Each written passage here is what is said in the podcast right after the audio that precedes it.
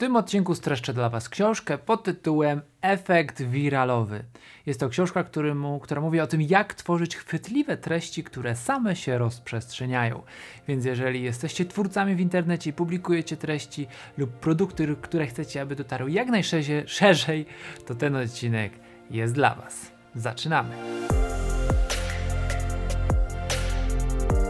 Dzień dobry, tutaj Michał Szczepanek. Na tym kanale streszczam jedną książkę tygodniowo, a konkretnie wydobywam z niej to, co najistotniejsze. Po to, abyście mogli zaraz po tym odcinku wdrożyć tę wiedzę do waszego życia. Więc jeżeli są to treści, które was interesują, rozważcie subskrypcję. Dziękuję wszystkim, którzy postawili mi wirtualną kawę. Jest teraz taka możliwość wsparcia tego kanału i procesu tworzenia streszczeń, no bo jak wiecie, każda książka wymaga sporej ilości czasu na analizę, w której piję duże ilości kawy. Lubię dobrą kawę, więc jeżeli chcecie wesprzeć mnie w procesie analizy książek, link pod tym filmem. Książka Efekt Wiralowy pokazuje sześć elementów każdej wiralowej treści, wiralowej, czyli takiej, która się rozprzestrzenia sama jak wirus, które te elementy powinniśmy zawrzeć w naszym komunikacie. Mogą być to wszystkie, bo idealnie, ale zazwyczaj jest to jedna z nich albo kilka. I teraz przejdźmy przez każdą po kolei. Pierwsza zasada wiralowości to zasada, która mówi o walucie społecznej. Chodzi o to, że każdy człowiek udostępniając jakąś treść chce podświadomie zwiększyć swoją wartość na tle innych ludzi. Czyli to jest to tak zwana waluta społeczna, która poprzez udostępnienie zyskuje na wartości ten człowiek. Większość osób chce uchodzić za mądrych, a nie głupich. Ubrania, które nosimy, samochody, które jeździmy, mają podkreślać nasz wizerunek. I teraz pytanie, czy klienci lub odbiorcy, którzy oglądają Twoje treści, produkty, chcą dzielić się tym produktem? Czy on zwiększa ich walutę społeczną? Czy polepsza ich wizerunek poprzez to, że oni będą pokazywać się jako osoby, które używają tego produktu lub które konsumują te treści. Ludzie bardzo lubią się dzielić opiniami, które mają i mówić o tym, co im się przydarzyło. I badacz stwierdził, że 40% tematów rozmów, które ktoś porusza, jest właśnie dotyczących jego przeżyć, tego, co się działo.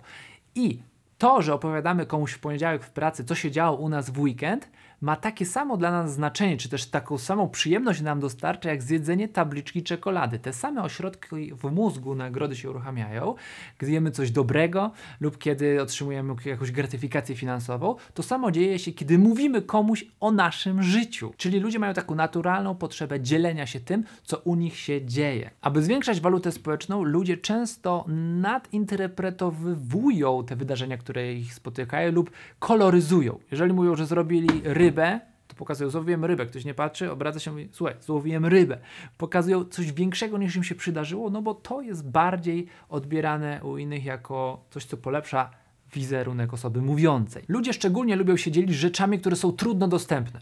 Jeżeli jest jakaś promocja, jak ktoś zdobędzie dany produkt na promocji, która jest bardzo ograniczona w czasie, trudno dostępna, ludzie czekają w kolejce po nowego iPhone'a nie wiadomo jak długo, kilka dni wcześniej, żeby zająć to miejsce. Jeżeli już go zdobędą, to chętnie się tym podzielą, no to zwiększa ich właśnie walutę społeczną, ich wizerunek w oczach innych osób. Wow, ale ty jesteś fajny, masz nowy telefon, zdobyć go jako pierwszy. Podświadomie pragniemy dzielić się właśnie tym, nie wiem, czy to jest dobre, no nie? To już kwestia dyskusyjna, ale ogólnie mamy taką potrzebę, żeby pokazywać siebie w dobrym świetle jako ludzie, którzy korzystają z wyjątkowych rzeczy i przez to są wyjątkowi. Tak samo teraz można skomentować fenomen mm, który już chyba przemija lodów ekipa, czyli towar, który był właśnie deficytowy, ale bardzo pożądany. Ta pożądaniowość była trochę sztucznie nadmuchana, jakieś papierki lodów, które na Allegro można kupić za 100 zł, no to troszeczkę zakrawało absurd, ale to właśnie pokazuje, że ta deficytowość, właśnie, jeżeli ktoś się zrobi sobie zdjęcie z takim lodem, no to wow, kurczę, jestem kimś, no nie? Poprawiam swój wizerunek, zdobyłem lodę, który jest bardzo trudny do zdobycia. Stąd właśnie ta wiralowość tego produktu. Czyli podsumowując ten pierwszy aspekt, zasadę waluty społecznej, każda treść, którą publikujemy, czy też nasze produkty, usługi powinny zachęcać do dzielenia poprzez to, że zwiększają wartość osoby w oczach innych, która się tym dzieli.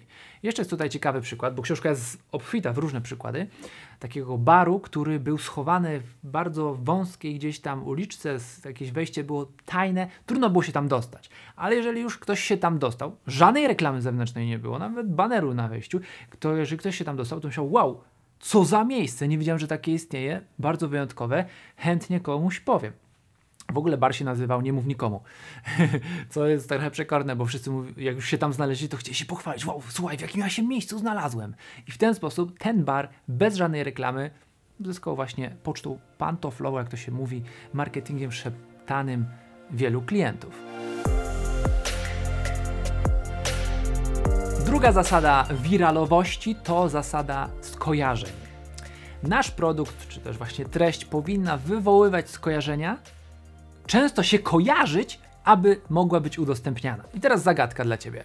O czym częściej się mówi? O parku rozrywki Disneyland czy o płatkach śniadaniowych Cheerios? O czym częściej się mówi? Wydawać by się mogło, że wow, no Disneyland to jest takie bardziej cool, coś takiego niezwykłego, a płatki śniadaniowe no to jest pospolite. Ale okazuje się, że przez to, że skojarzenia płatków śniadaniowych są częstsze niż skojarzenia z Disneylandem, to częściej mówi się o płatkach. Dlaczego? Bo płatki jemy codziennie. Śniadania mamy codziennie, a o Disneylandzie rzadko się mówi o tych, o, nie wiem, o, o czasie wolnym, o wakacjach, o jakichś parkach rozrywki. Dużo częściej śniadanie mamy codziennie, mówi się o płatkach Cheerios. I nawet na Twitterze sprawdzali, jak często się pojawiają te słowa. Disneyland, płatki Cheerios. Płatki Cheerios najczęściej się właśnie pojawiały w czasie śniadania. I przez to, że może nie są to tak atrakcyjne rzeczy, jedzenie płatków, jak jeżdżenie na roller coasterach w Disneylandzie, no to mimo to, że są skojarzenia w danym momencie śniadania, ludzie często robili sobie zdjęcia, ok, jem sobie płatki, wrzucali na Twittera i tak dalej, czy tam coś, jak dzień się zapowiada. Więc jeżeli chcemy stworzyć wiralową treść, musimy zadbać o to, żeby ona miała okazję się skojarzyć ludziom.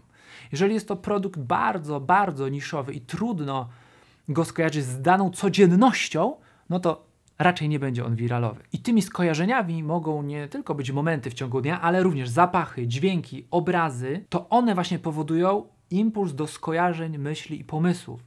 Więc jeżeli będziemy mieć na przykład jakiś zapach marki, który będzie się kojarzył z czymś, lub zapach z dzieciństwa, który się skojarzy z marką, no to to już jest duży sukces. Inny fajny przykład o batonikach Mars. Batony Mars zyskały dużo większą sprzedaż wtedy, kiedy NASA w 1997 roku miała misję właśnie lotu na Marsa. I wtedy wylądował tam Pathfinder na Marsie i batoniki Mars zwiększyły swoją sprzedaż, ale to był tylko przypadek, bo Marsy nie nazywają się od planety Mars, tylko od gościa Franklina Marsa. Mimo to te skojarzenia pokazują, jakie one są silne, te bodźce do tego, aby pomyśleć o danej marce. Ludzie widzieli, że Mars, lądowanie Marsa i szli do sklepu, skojarzyło mi się to pozytywnie z danym momentem i brali Marsa. Inny przykład, że w restauracji przy akompaniamencie francuskiej muzyki ludzie częściej kupują wina francuskie, a przy niemieckiej piwko. No nie? Czyli jest to też ważne, te dźwięki, jak, jakie wywołują w nas skojarzenia. Inny przykład. Jeżeli wybory miały miejsce na, mm, w budynku szkoły, to częściej ludzie, którzy tam przychodzili, głosowali za reformą dotyczącą jakiejś tam edukacji. Nie? Ciekawe, że w ogóle samo miejsce może się już kojarzyć, ok, głosuję w szkole, no to wypada zagłosować na kandydata, który popiera tam szkolnictwo, jakąś reformę. Popularność piosenki Friday wzrasta w piątki.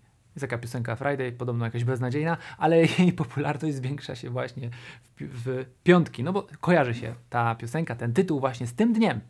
Czyli same już, widzicie, skojarzenia wywołane obecną sytuacją, dźwiękiem, miejscem mogą spowodować, że wasze treści czy produkty wiralowo się rozejdą. Inny przykład wafelka KitKat. KitKat chciał zwiększyć sprzedaż i tam marketingowcy stwierdzili, że skojarzą go z kawą i nazwali tam kampanię taką KitKat czas na przerwę.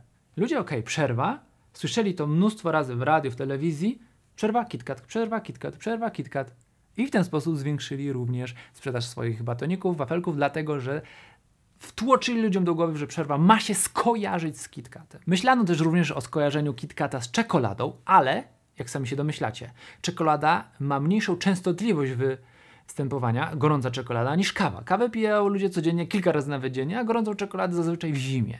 Więc ta sprzedaż zwiększałaby się jedynie zimą. O, im chcieli zwiększyć tą sprzedaż no, od razu w lecie, więc zrobili, że KitKat kawa. I przez to, że ta częstotliwość tych rzeczy była większa, no to kawa była tutaj idealnie dopasowana.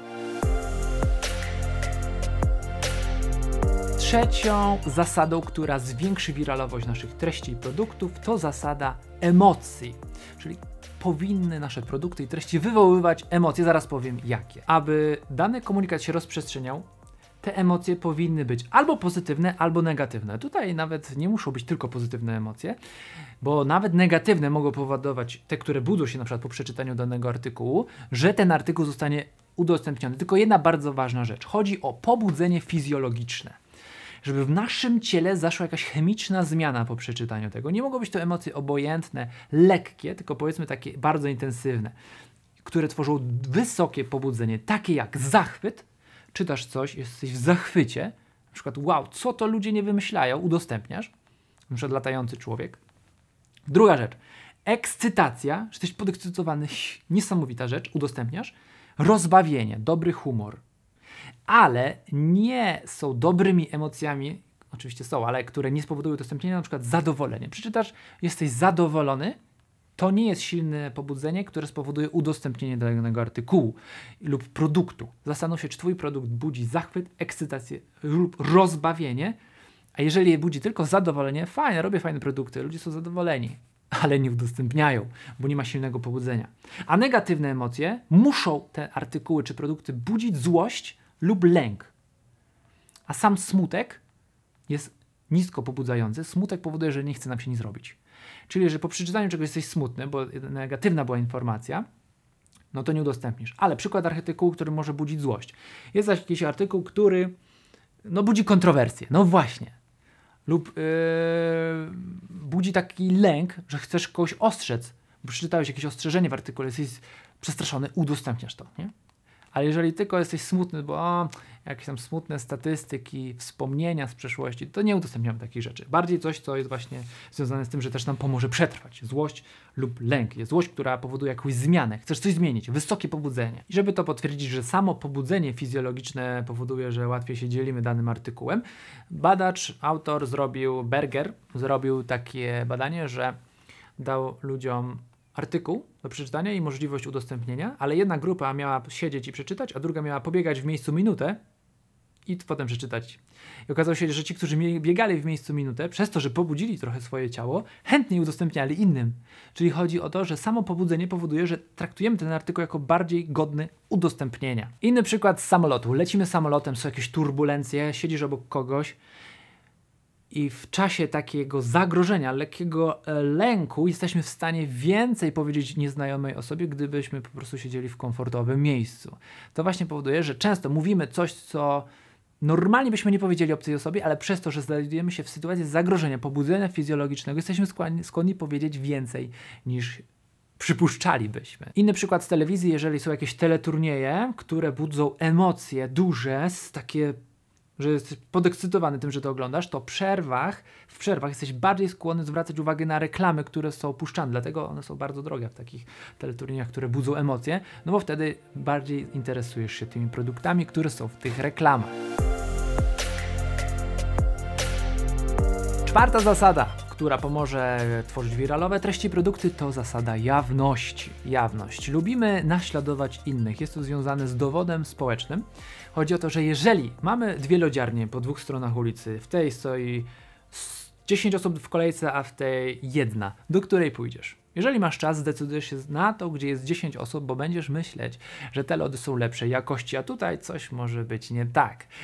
Dlatego, aby odciążyć nas, nasz mózg od myślenia, od yy, przeładowania wybieramy to, co robią inni, czyli taki trochę konformizm, naśladownictwo, aby odciążyć po prostu nasz mózg i podejmować lepsze decyzje. Stąd też właśnie te różne opinie w internecie, gwiazdki 4 na 5, 5 na 5, to powoduje, że łatwiej nam coś wybrać, bo widzimy, że ktoś już to za nas przed nami zrobił, skorzystał, jest zadowolony. I tutaj jest fajny przykład Steve'a Jobsa, który w Apple miał duży dylemat. Jak wiemy, firma Apple bardzo kładzie duży nacisk na to, żeby produkty były komfortowe w użytkowaniu dla, dla właśnie usera.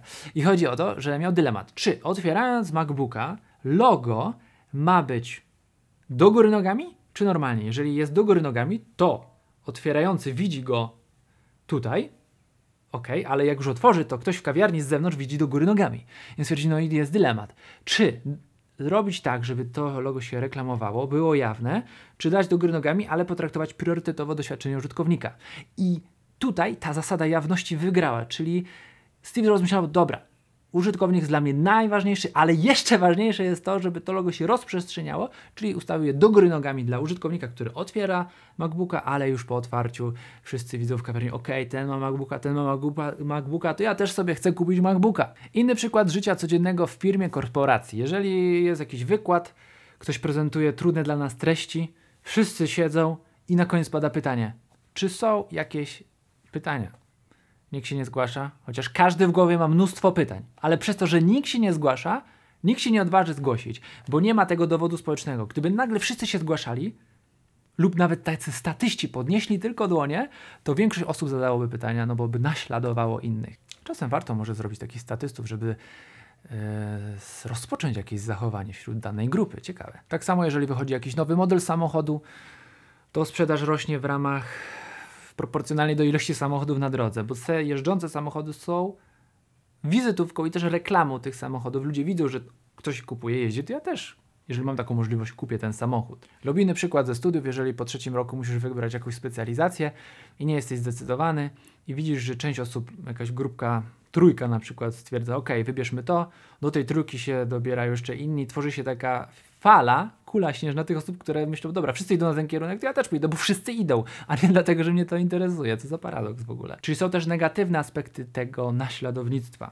Znane marki luksusowe, odzieżowe i tak dalej chcą rozdawać właśnie torby ze swoim logo po to, aby ludzie mogli potem ich używać nawet nie do przynoszenia zakupów do domu, ale już potem idąc sobie gdzieś do pracy i nosząc w tej torbie różne rzeczy. No bo tak jak powiedzieliśmy wcześniej, oprócz tego, że jest to jawne, to jeszcze jest to walutą społeczną, czyli ponosi wizerunek. Jeżeli stać mnie na taki produkt luksusowy, no to jest ten więcej wart w oczach innych ludzi. Jest taki park narodowy w Arizonie i tam testowali różne rzeczy, jak zapobiec braniu kamyków z tego parku, aby nie niszczyć tego parku. No i pierwsza tabliczka brzmiała Wiele osób już bierze te kamyki nie bierz tych kamyków, nie? No i ktoś myślał, wiele osób bierze, dlaczego ja mam sobie nie wziąć? Właśnie o to chodzi, że jeżeli widzimy, że ktoś coś robi, no to ja też to robię. A druga tabliczka, bo widzieli, że to nie działa, zmienili ją i napisali tak: Proszę nie zabierać skamieniałego drewna z terenu parku, by mógł zachować swoją naturalną formę. Czyli nie pokazali, że ktoś już to wziął, tylko powiedzieli, dlaczego warto tego nie robić. I ludzie nie brali już takiej ilości kamyczków przez to, że nie odwoływali się do tej jawności, nie pokazali ile osób bierze, tylko pokazali cel, dla którego warto nie brać. Czyli tutaj odwrócili uwagę od tego, co robią inni i czasem ta zasada jawności może działać właśnie w drugą stronę. Chodzi o to, w tej zasadzie, że jeżeli ludzie mogą się zachować w dowolny sposób, zazwyczaj wybierają to, co robią inni.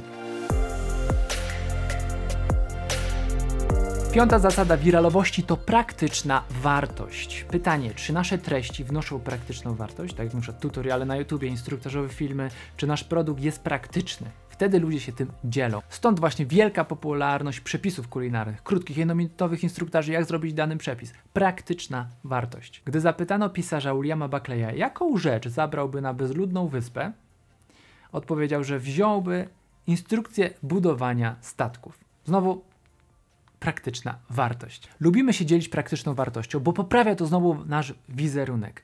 Lubimy dzielić się, bo wtedy jesteśmy lubiani, że się dzielimy czymś praktycznym, na czym ktoś może zyskać. Problem z kartami lojalnościowymi, na przykład, które są w różnych sklepach, chcąc e, zwiększyć sprzedaż, ok, kupuj, kupuj, jest problem taki, że one nie są jawne. Są praktyczne, ale nie jest połączone z jawnością. No bo ktoś ma taką kartę w portfelu i nie widzi druga osoba, nie może jej naśladować, że ta osoba korzysta z tej karty.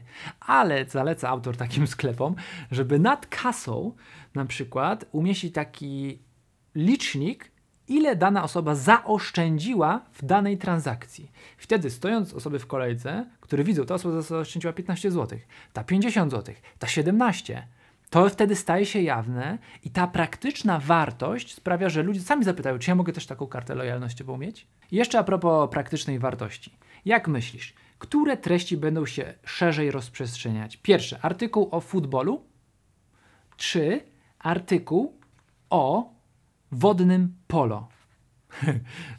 Niszowy sport lub popularny, bardzo popularny. Okazuje się, że wbrew intuicji, to, że coś jest popularne dana dyscyplina, niekoniecznie wpływa na udostępnianie. Praktyczna wartość tutaj ma znaczenie w wodnym polo, dlatego że osoba, która czyta ten artykuł w wodnym polo, jakiejś tam innowacji na przykład, to sobie myśli o konkretnej osobie, jednej, która może być zainteresowana tym wodnym polo. Jeżeli mam artykuł o futbolu, mamy tak dużo znajomych, którym można by podesłać ten artykuł, że nie podsyłamy nikomu. A jeżeli mamy niszową rzecz, czytamy coś, to, myślimy, to mi się kojarzy znowu, kolejne odniesienie do zasady skojarzeń, z Markiem. A Marek jest fanem wodnym polo. Wodnego polo, podeślę mu to. Więc nie przejmujmy się tym, że nasze treści być może są do niższego grona, niszowego grona odbiorców, bo właśnie to może być i atut tych treści. Czyli sam fakt możliwości udostępnienia danego artykułu, że dotyczy szerokiego grona, nie sprawia, że one są udostępniane. A to, że jest wąsko, kojarzy nam się z konkretną osobą. To, co ciekawi niewielu, paradoksalnie może się cieszyć większą wiralowością. Ostatnia zasada wiralowości, która spina wszystko, to opowieści. Ludzie od dawna opowiadali sobie historię. Siedząc w jaskiniach przy ognisku, to była ich jedyna, jedna z niewielu atrakcji. Opowiadali, co im się wydarzyło, co się działo ich y, pokoleniach i tak dalej. Przekazywali sobie opowieści z ust do ust.